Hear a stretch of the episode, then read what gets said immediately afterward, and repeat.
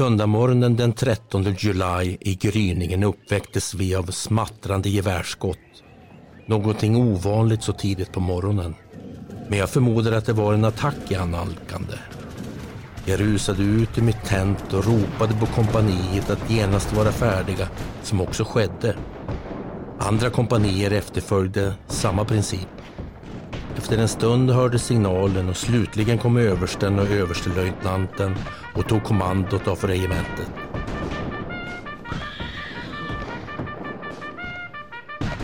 Och så fort vi var uppställda fick vi se fienderna komma till häst som skulle vara 2500 man stark, men även bönder som hade beväpnat sig. Först gjorde de ett anfall på oss i ridande galopp för att bräcka vår ställning.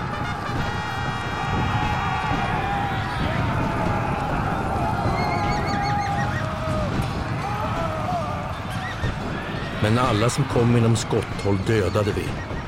Sen började de även skjuta, men våra bussar gick längre än deras. Våra kanoner begagnades livligt. Eldbommar exploderade mitt ibland dem. Vi stod således i vår ställning till ett på eftermiddagen. Skjutningen mer och mindre livlig. Somliga gånger skarpt och emellanåt med långa intervalls.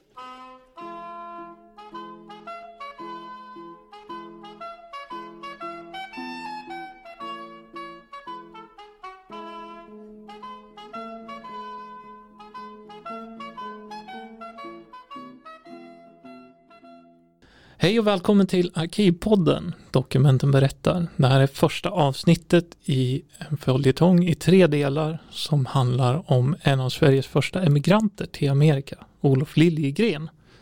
Jag heter Martin Ahlström och jag sitter i Riksarkivets poddstudio i Östersund tillsammans med Jim Hedlund. Hej Jim! Hej hej! Det där var ju en dramatisk inledning vi fick höra. Men mm. vad var det vi hörde egentligen? Ja men det här är brev från emigranten Olof Liljegren och han emigrerade till Amerika året 1857. Och sen skulle han brevväxla väldigt flitigt med sin pappa Jonas Nilsson som givetvis var kvar hemma då, i byn Bågsjö i Jämtland. Ja. Jag kan säga Olof han föddes den 4 oktober 1829 i, i den här byn Bågsjö då, i Sundsjö socken i Jämtland. Okay. Och han var den äldste sonen i en familj på tio barn Hans mamma hette Kristina Olofsdotter och pappan hette som jag sa Jonas Nilsson och han var bonde och gästgivare. Jaha, okej. Okay. Mm. Ja. Hur många brev skrev han hem till sin far? Finns det många sparade? Eh, vi vet väl egentligen inte hur många brev han skrev. Däremot så har vi 18 brev som finns sparade här på Riksarkivet Östersund. Okay. Och ett av de här breven är även till eh, Isak Edblad som bodde i Amerika. Så hur det har kommit hit, det vet jag faktiskt inte. Och, och Olof Liljegren, han fick ju vara med om så mycket spännande upplevelser också i Amerika. Och man kan ju faktiskt säga att ja, det är verkligen vilda västern det här. Ja. Dels är det de här stora konflikterna mellan ursprungsbefolkningen då och de här vita kolonisatörerna som han tillhörde då. Ja. Men det som dominerar den här brevsamlingen det är också Olofs deltagande i den här kontinentens största konflikt, alltså amerikanska inbördeskriget. Ja just det. Och det var alltså det vi hörde om i inledningen. Ja, som det hördes så blir de här breven eh, som ett direktreportage. Ganska rakt, osensurerat och ibland givetvis väldigt vinklat men väldigt intressant. Ja, ja. Vad kommer vi få höra mest om i det här första avsnittet? Eh, vi kommer väl att få höra om de här människorna som Olof hade med sig i omgivningen här från början. Då, då. Ja, och så hur han upplevde det här nya landet och, och, och så faktiskt om själva båtresan som blev ganska dramatisk.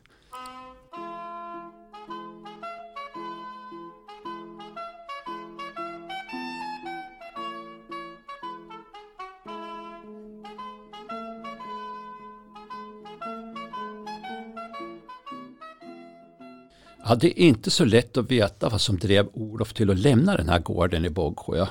Och sen att ensam göra den här långa resan till Amerika och att försöka etablera sig i ett land som hade helt nya utmaningar. Mm, och definitivt fler faror också. Ja, absolut. Och, och, en sak är ju helt klar, det var ju inte svälten som drev Olof. Nej. Han kom ju från ett välbärgat hem med bra ekonomi, stora ägare och så pappan var ju gästgivare bland annat. Ja, men här kommer i alla fall det som vi tror är det första brevet hem. Och när det här brevet skrevs då hade han varit där en vinter och, och på våren här. Ja. Och brevet bör ju som vi tror därför vara skrivet under försommaren 1858. Min käre fader. Så som min education eller kunskaper står på dålig fot så vill jag ej att ni ska visa mina brev så att jag ska slippa skämmas för min dåliga uppfostran.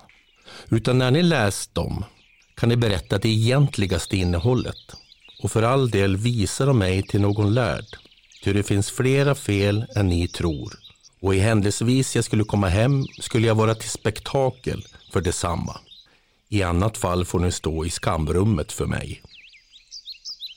Jag har nu tillbringat en vinter i denna värld. Den har varit mild för jämnan. Lite snö, ohjälpligt körföre för både vagn och släde. I slutet av februari såg det ut som det skulle bliva sommar och fortfor hela mars. Men april blev däremot så mycket kallare. Kall blåst och snö och vårbruket börjades ej förrän den 10 maj och forfar än då detta brev skrives. Väderleken är som jag förr har skrivit, hastig omväxling i temperaturen. Ena dagen varmt och den andra kallt. De kommer av att landet är jämnt. Här är ej berg och stora skogar som hemma. Här finns alla slag, men ej så jämnt omväxlande som hemma. Landet överhuvudtaget ligger jämnt och det kan jag bevisa med strömmarna eller åar som Mississippiån som är 4100 engelska mil lång och har högst obetydliga fall, två till antalet. Amerika är fullt av ormar och moskiter, alldeles enormt oskapligt. Jag får gå var jag vill i skogland eller på slätterna så finns de överallt. Och moskiter såsom moln mitt på ljusa dagen. Kan knappast se dagens ljus för myggor där som är skogland. För övrigt är vi tvungna att sätta flor för ögonen när man ska gå i skogen. I början så handlar ju Olof Liljegrens brev mycket om geografin och klimat. Men det blir ju allt eftersom mer skildringar om människor och hans egna upplevelser. Mm. Men någonting som jag fäste mig lite vid, eller någonting som jag tänkte på speciellt, var att han nämner floden Mississippi som en å. Ja. för övrigt är ån farbar för ångbåtar helt och hållen och sen är det fyra engelska mil över till vattnet som rinner åt motsatt håll eller i norr och denna å är även farbar för ångbåtar. Det är nu på förslag att gräva de engelska fyra milen däremellan.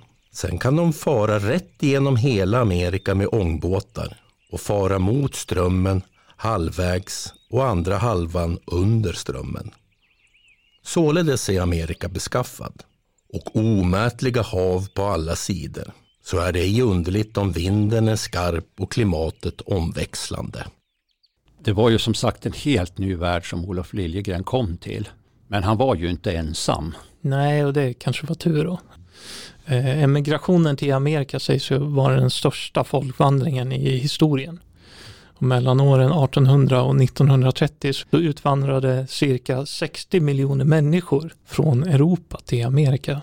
Mm. Man räknar ju med att ungefär 1,3 miljoner människor lämnade vårt land. Och vid sekelskiftet, alltså år 1900, så bodde var femte svensk i Amerika.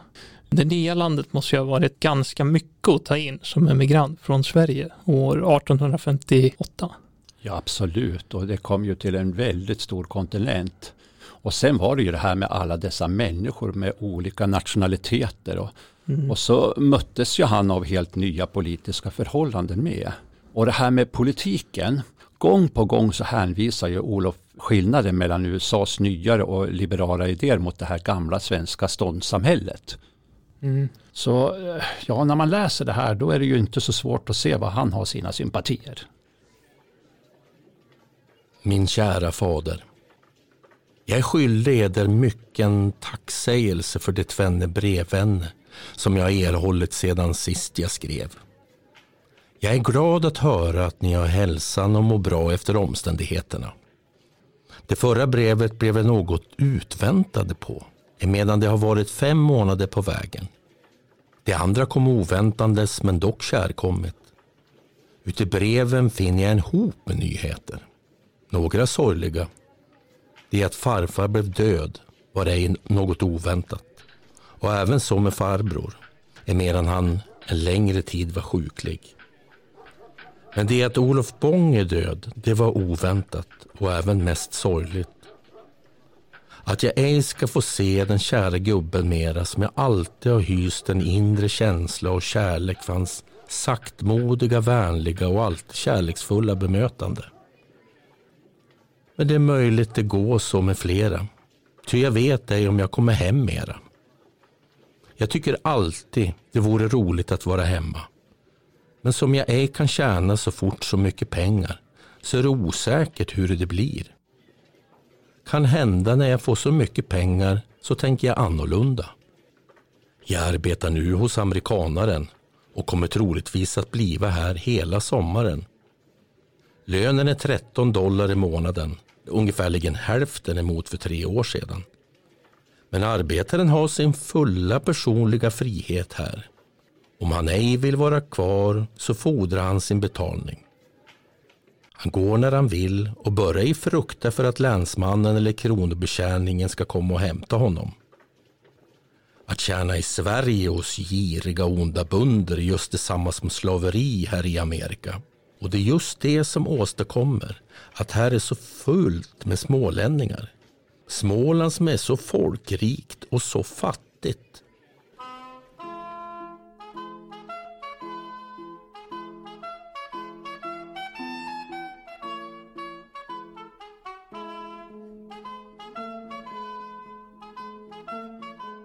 Minnesota blev ju den delstat som drog till sig flest svenskar. Ja, det kan man verkligen säga. Minnesota blev, kan man säga, svenskarnas delstat. Ja. Och det var ju i huvudsak familjer som kom för att söka de här nya landområdena. Och ibland så flyttade ju hela släkter och grannskap tillsammans. Det var ju ganska bra för då kunde man hjälpas åt. Det, var ju, det gäller ju att hålla ihop där. Men eh, Olof Liljegren ansåg att flera av de här svenska bosättarna hade slagit ner just sina bopålar på alldeles fel ställen. Han beskrev ju det som svårtillgängliga marker omringade av väglöst land och det var snåriga skogar och ormar och enorma mängder mygg, säger han. och så såg han ju hur de här nybyggarna fick slita mycket hårt för sin vardag och att de fick dåligt betalt för det, det lilla spannmål som de lyckades sälja. Och, mm. och det var ju som ingen tvekan att livet som nybyggare var fullt av umbäranden. Men som, som han alltid poängterade, man var fri. Ja. Och, och eh, han säger också att de allra flesta emigranterna hade ju sina rötter i Småland och Blekinge. Ja, eh, både i litteraturen och filmens värld så ges ju ofta exempel på fattiga smålänningar som utvandrar. Ja, och, och, här kommer ju en intressant skildring om hur Olof Liljegren uppfattar svenskar från de här sydliga delarna av Sverige. Här fortfar att vara dåliga tider. Mycket av arbetsfolk, lite arbete, små löner, ont av pengar. För övrigt är det här mycket fattigt folk och nöd och färde. Och när någon lider för stor nöd så skjuter de tillsammans. Och således den ena stackaren hjälper den andra. Här finns även bönder som har mycket bra och många fattiga från Sverige har också kommit till det välstånd som knappast har ernått i det fattiga Småland eller Blekinge. Men smålänningarna begagnar sig också av sin frihet. Här går de tillsammans och slåss, super och dansar och brukar knivarna på varandra. Det verkar finnas gamla motsättningar mellan smålänningar och blekingar och skåningar. Det är ett rått och ohyfsat folk. De förer många oseder. Jag ändå är något emot dem, för jag kommer allt sams med dem. Men jag ser skillnaden. Men på ett sätt liknar de varandra. Alla går med träskor och alla lever de som lössläppta jävlar. Ja, vi måste ju konstatera här att Olofs skildringar är något generaliserande. Men eh, det kanske var just sådana här människor som han hade hunnit träffa på just då, innan han hade började Ja. skriva det här brevet. Då. Ja, Olof kom även ha skarpa åsikter om andra människor. Men han visade ju även prov på att han kunde ändra sig eftersom han fick nya intryck. Och, vilket Mm. är både intressant och faktiskt glädjande. Då. mm.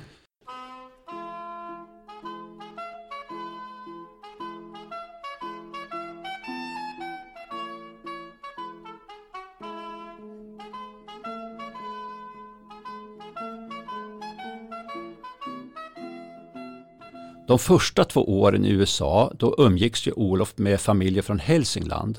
ja. Och det är inte så svårt att tänka sig att Olofs umgänge med just hälskarna kunde vara av frireligiös karaktär.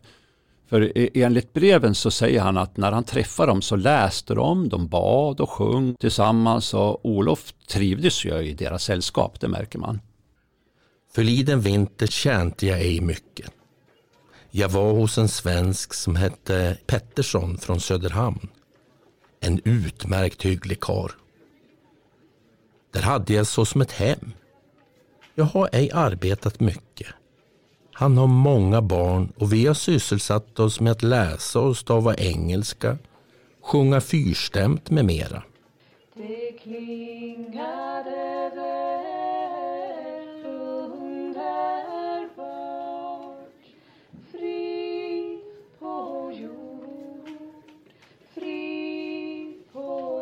bästa folk som jag har sett sedan jag for från hemmet. Och nu är jag hos en amerikanare ungefär en svensk fjärdingväg därifrån. Och var söndag går vi tillsammans, läser och sjunger. Och när jag ser honom eller hans familj är det som en liten försmak av hemmet. Eljest är folket utmärkt vänliga emot mig. Både svenskar och andra och jag är respekterad mer än jag är värd. I slutet av det här första brevet så ger Olof en redovisning om hur deras gemensamma vänner eh, som, som han hade emigrerat med hade det. ja. Och det här var ju säkert välkomnande nyheter till hans pappa. Ja. Ett, ja, ett mer spännande och kanske också oroande inslag är ju kanske när han berättar om urbefolkningens närvaro kring de här nybyggarna. Vi vill eh, påpeka att Olof Liljegren i sina brev använder sig av ord och benämningar av folkslag som inte riktigt är brukliga idag. Vi har valt att behålla dem eftersom det är Olofs egna ord som han själv har valt och för att inte förvränga originalkällorna. Jag får även tala om att Edblad har i vår tagit land vid Rumån och börjat således att en gång till att nedslå sina bopålar. Och han tycker bra om Amerika och är glad att han kom ifrån befallningsman Hellberg, om dock icke helskinnat. Det är och i knappa omständigheter. Förliden sommar arbetade alla hos bönder och tjänte så mycket de kunde leva. Likaså förliden vinter. Nu är de bosatt vid en sjö där de har någorlunda tillgång på jakt och fiske. Vid samma sjö är Jonas Olaugsson bosatt. Han arbetade på sitt land hela fjolsommaren och förliden vinter och intill denna dag har han ofta besök av indianerna. Förliden vintern var där en ofantlig hop och byggde en fästning intill hans hus. De fruktade för andra indianer skulle komma. Så är det naturligt de skulle kriga. Men landagenten befallde dem därifrån med hotelse att om det ej var faren inom två dagar skulle krigfolk efterskickas och de flydde genast. Nästan hela förliden vinter, eller från början av oktober och in till nu, har Magnus Olofsson varit sjuk. Han är nu på bättringsvägen. Skolläraren Ålström har ingått till missionen och kommer att bliva präst. Andreas Olofsson har fått 20 acre land av sin broder som han arbetar på. Men de är och alla nöjda. Förutom Bengt-Olof. Han tycker det inte är bra. Yours heartly son. Liljegren.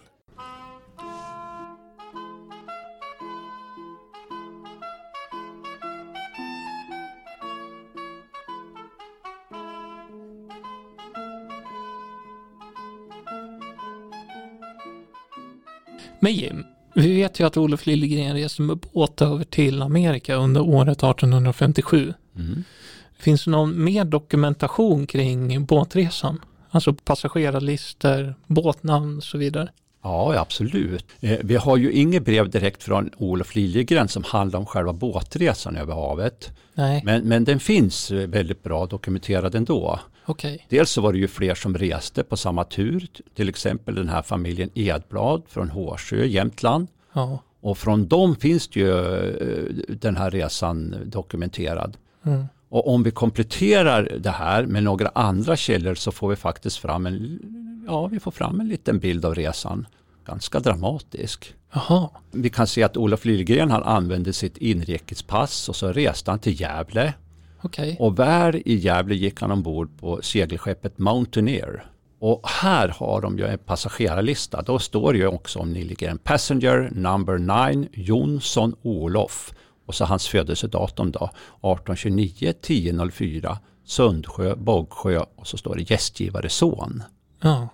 Det säger att det står Olof Jonsson i passagerarlistan.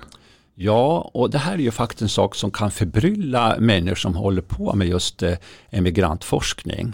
Ja, För, för så här är det, en del passade ju på att byta efternamn under själva resan. okej. Och man vill väl kanske skilja sig från alla Jonsson, Persson, Andersson och Nilsson med mera. Ja, Så. ja, ja. Och eh, Olof Liljegren har ju faktiskt efternamnet Jonsson när han skrivs in på Mountaineers passagerarlista.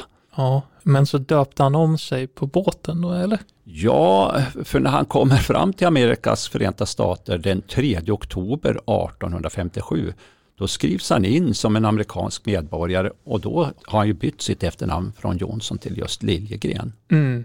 Ja, men eh, vad vet vi mer om Mountaineers resa från Sverige till Amerika över Atlanten? Jo, eh, den här båten då, ja, Mountaineer som sagt, Ja, den gick ju ut från Gävles hamn och sen seglade man söderut över Östersjön för okej. att sen runda Sveriges sydkust vidare mot Engelska kanalen då, och sen rätt ut över Atlanten till ja, Amerika.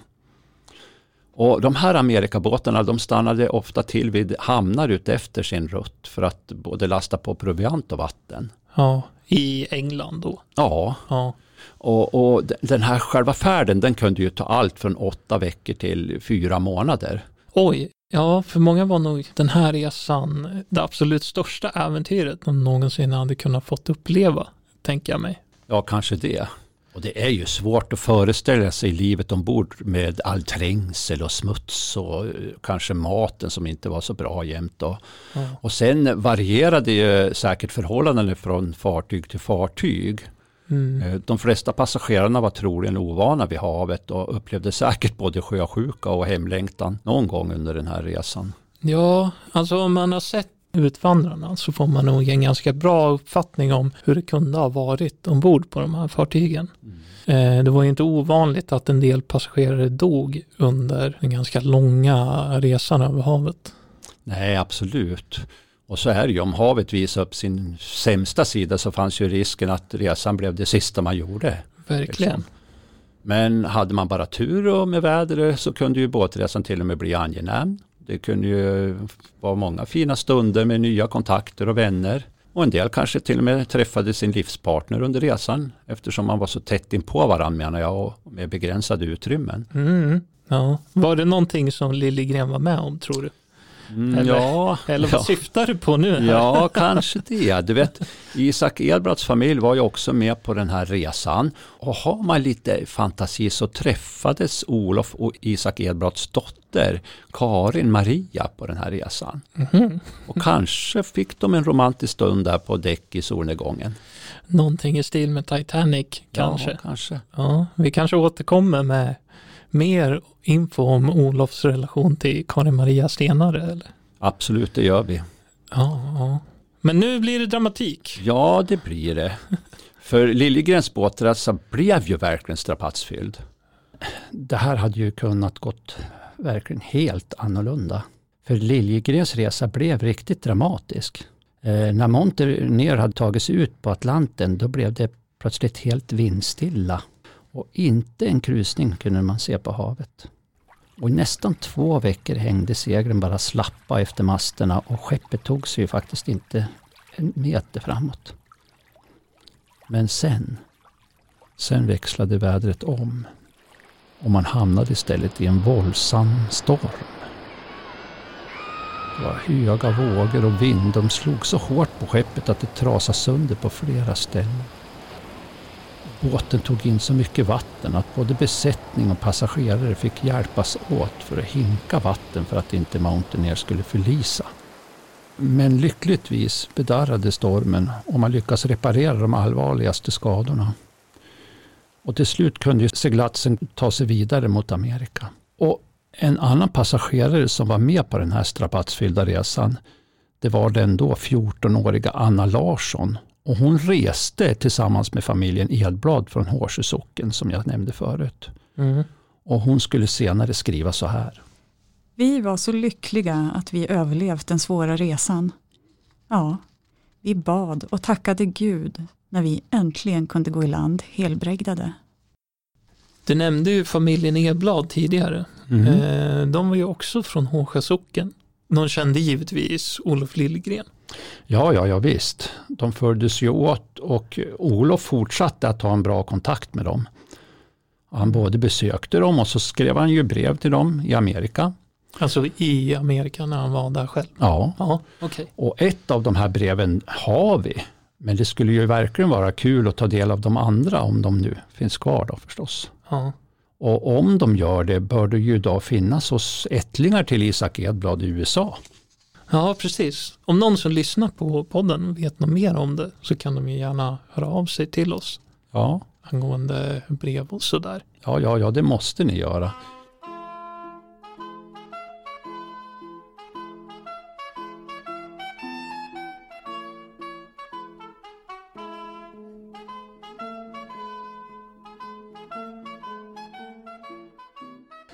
Under sin första tid i Minnesota träffade Liljegren en ganska intressant man som hette Falström men som hade levt nästan hela sitt liv tillsammans med Ojibwa-stammen. Ja, det stämmer ju. Och nu ska ni få höra om ett jättespännande människoöde. Här är en svensk som jag beundrar. En som heter Falström. Han gav sig till skjuts när han var tio år och kom till Amerika när han var elva år gammal och kom till en stad som hette Hudson Bay, den nordiska hamnplatsen in America. Där kom han vilse från folket och kom ifrån fartyget och fartyget for ifrån honom. Där var också mycket av Indiens och han gav sig att följa deras barn och kom långt in i skogen. Indianerna födde honom med vad de hade att äta. Men de tröttnade vid det och lämnade honom alena många gånger varigenom han led förfärligt av köld och hunger. Han var nära att svälta ihjäl. Men så kom indianerna igen och tog vara på honom och han blev således uppfödd. Han hade ej mera att roa sig med på sitt egna språk än en bibel och han hade troligtvis glömt språket om han ej hade haft den. När han kom till högre ålder gifte han sig med en av deras kvinnor, ett så kallat squaw, och med henne har han många barn. Han har nu i tio års tid varit bosatt och har ett bra hemman. Han är nu nära 60 år. Han vet ej om några släktingar, men han är född i Stockholm, talar dålig svenska, men god franska och bäst indianska. Han har varit i livsfara många gånger bland indiens. Nu går han ut och predikar för indiens ibland. Ja, den här mannen Falström, han måste ju ha kommit till Amerika alldeles i början av 1800-talet. Jaha. Alltså under Napoleontiden. Eh, Vilken spännande historia. Jaha. Tänk att få höra om hans liv och hans äventyr från honom själv. Eh, finns det några andra källor än Liljegren som berättar om honom? Ja, vi hittar faktiskt lite mer om Jakob Fahlström som han hette. Mm. Och, och i boken av Lennart Persson, alltså Den nya världen, tittar man i den då kan man ju fylla på med vart eh, Jakob Fahlström, vart han kom ifrån och när han kom till Minnesota. Och, ja, då ser man ju, han var ju långt före de andra svenskarna. Ja, Och, och jag fortsätter då, där, när Jakob här, han, när han var 11 år, det här är ju en ganska häftig historia, Ja. då var han ombord på ett engelskt fartyg som anlände till Hudson Bay i Kanada. Och på det här fartyget då nämns han som föräldralös pojke från Stockholm. Men varför han är på det här skeppet, det vet egentligen ingen. nej, Men på något sätt så kom han ifrån besättningen när de stod vid hamnen. Han måste ju ha gått av eh, båten då och gått vilse och han glömdes väl helt enkelt kvar på land. Ja. Okej. Och efter det här då blev han ju faktiskt adopterad av en grupp från Ojibwa-stammen. Ja, okej. Mm. Mm. Och Jakob han, han växte ju upp i den här stammen. Han tog till sig deras språk, han tog till sig deras seder och levnadssätt. Den här stammen, alltså Ojibwa, de, de försörjde sig framförallt på pälshandel. Mm. Han skulle bli väldigt framgångsrik på just pälshandel. Jaha. Ja, och han gifte sig senare också med hövdingens dotter och, och så fick de nio barn. Ja. Och det är ju liksom fascinerande att han, förutom den här urbefolkningens språk, han kunde ju tala det givetvis, Ja. så kunde han även tala franska, engelska och lite svenska då. Ja. Och, och sin svenska, det hade han lyckats underhålla genom en gammal bibel som han haft kvar då från när han var liten. Så han fick med sig den ifrån båten då med andra ord? Ja, det Ja. hade han ju. Och så kunde han ju läsa. Ja, ja, ja. Ja. Hur som helst, efter en tid då vandrade ju han ner med hela sin familj och så, och så kom han ju ner till Minnesota då. Mm. Och, och vid ett väckelsemöte vid Fort Snelling blev han omvänd metodist och sen började han ju själv att missionera och predika för människor, bland annat för eh, urbefolkningen. ja. Vilken otrolig historia. ändå. Ja. Och, och han var ju ganska rik Wahlström här så han hade ju haft mycket lönsam pälshandel och då hade han ju lyckats förvärva flera marker i Minnesota-området. Mm. Och, men jag ser ju, han dog ju år 1859. Så Okej. om Olof Liljegren har träffat honom, då måste han ju ha träffat honom när Olof i i början av sin vistelse i Amerika. Mm. Och kanske träffar de, träffas de på ett väckelsemöte. Ja, kanske. Mm. Det är väl inte helt otroligt. Nej, Liljegren skriver ju att han ofta gick på träffar med sång, bön och högläsning. Ja, ja. Ja, fascinerande att eh, Fahlström ändå inte tappade svenskan där helt. För han var ju ändå rätt så gammal va? Ja, ja. Ja. Eh, Förresten, det här med Ojibwa och de här stammarna. Ja. Här berättar ju Liljegren även om konflikten mellan de här stammarna, alltså Ojibwa och Sioux. Och de här grymheterna de utsätter varandra för. Det finns indianer som är och fransmän som har kommit över och givit sig åt skogen och lever alldeles vilt. De föder sig av jakt och fiske. Sådana kallas half indians, medan det är många olika slag av dem. Eftersom olika indians traktar efter varandras liv så övergår det i hat och rysliga strider uppstår. Förliden sommar var en strid vid San Croix, vid ån. Kippoa Indians kom i båtar ner på ån. Sioux Indians låg på lur på landbanken. När de kom i skotthållet så sköt de ner en hop av dem. När de ej skjuter dem ihjäl så marterar de varandra rysligt. Hänger de i träden med huvudet neråt eller också tager skinnet av dem levandes.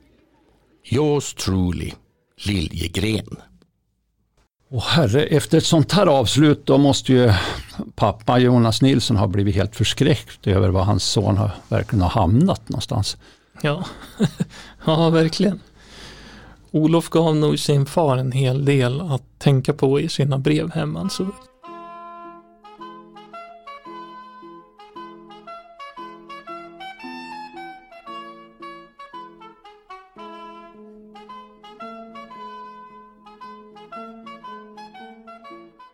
Som vi nämnt tidigare så kom Olof till en helt ny värld med helt andra förutsättningar och ett helt annat politiskt klimat också än vad som fanns hemma i Sverige.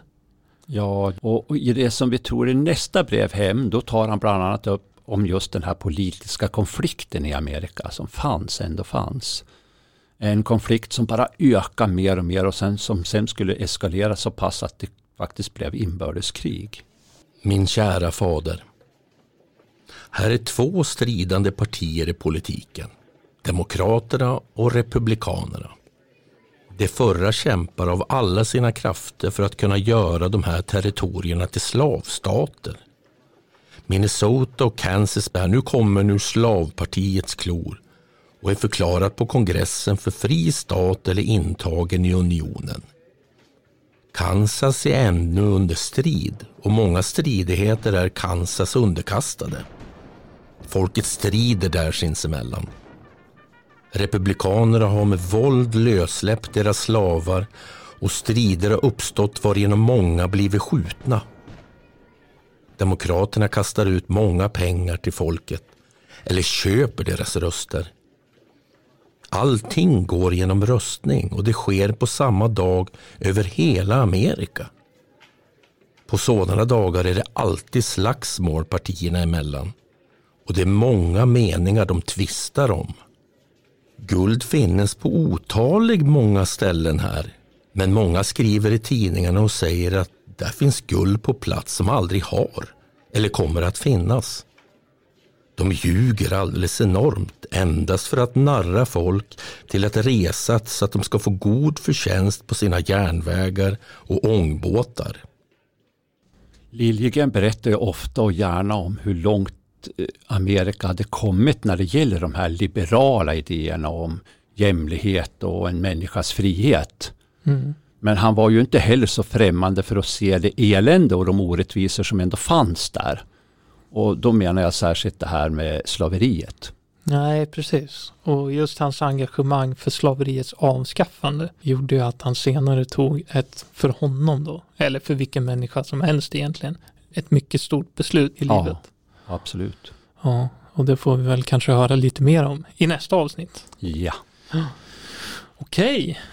Vi har hört det första avsnittet av Olof Dröm om Amerika, en poddföljetong i tre avsnitt. Följetongen är alltså byggd på en brevsamling ur Jonas Nilsson i Bågsjö och Olof Liljegrens arkiv eh, som finns här på Riksarkivet i Östersund. Vi som har gjort podden heter Jim Hedlund, här mitt emot mig, och Martin Ahlström, det är alltså jag.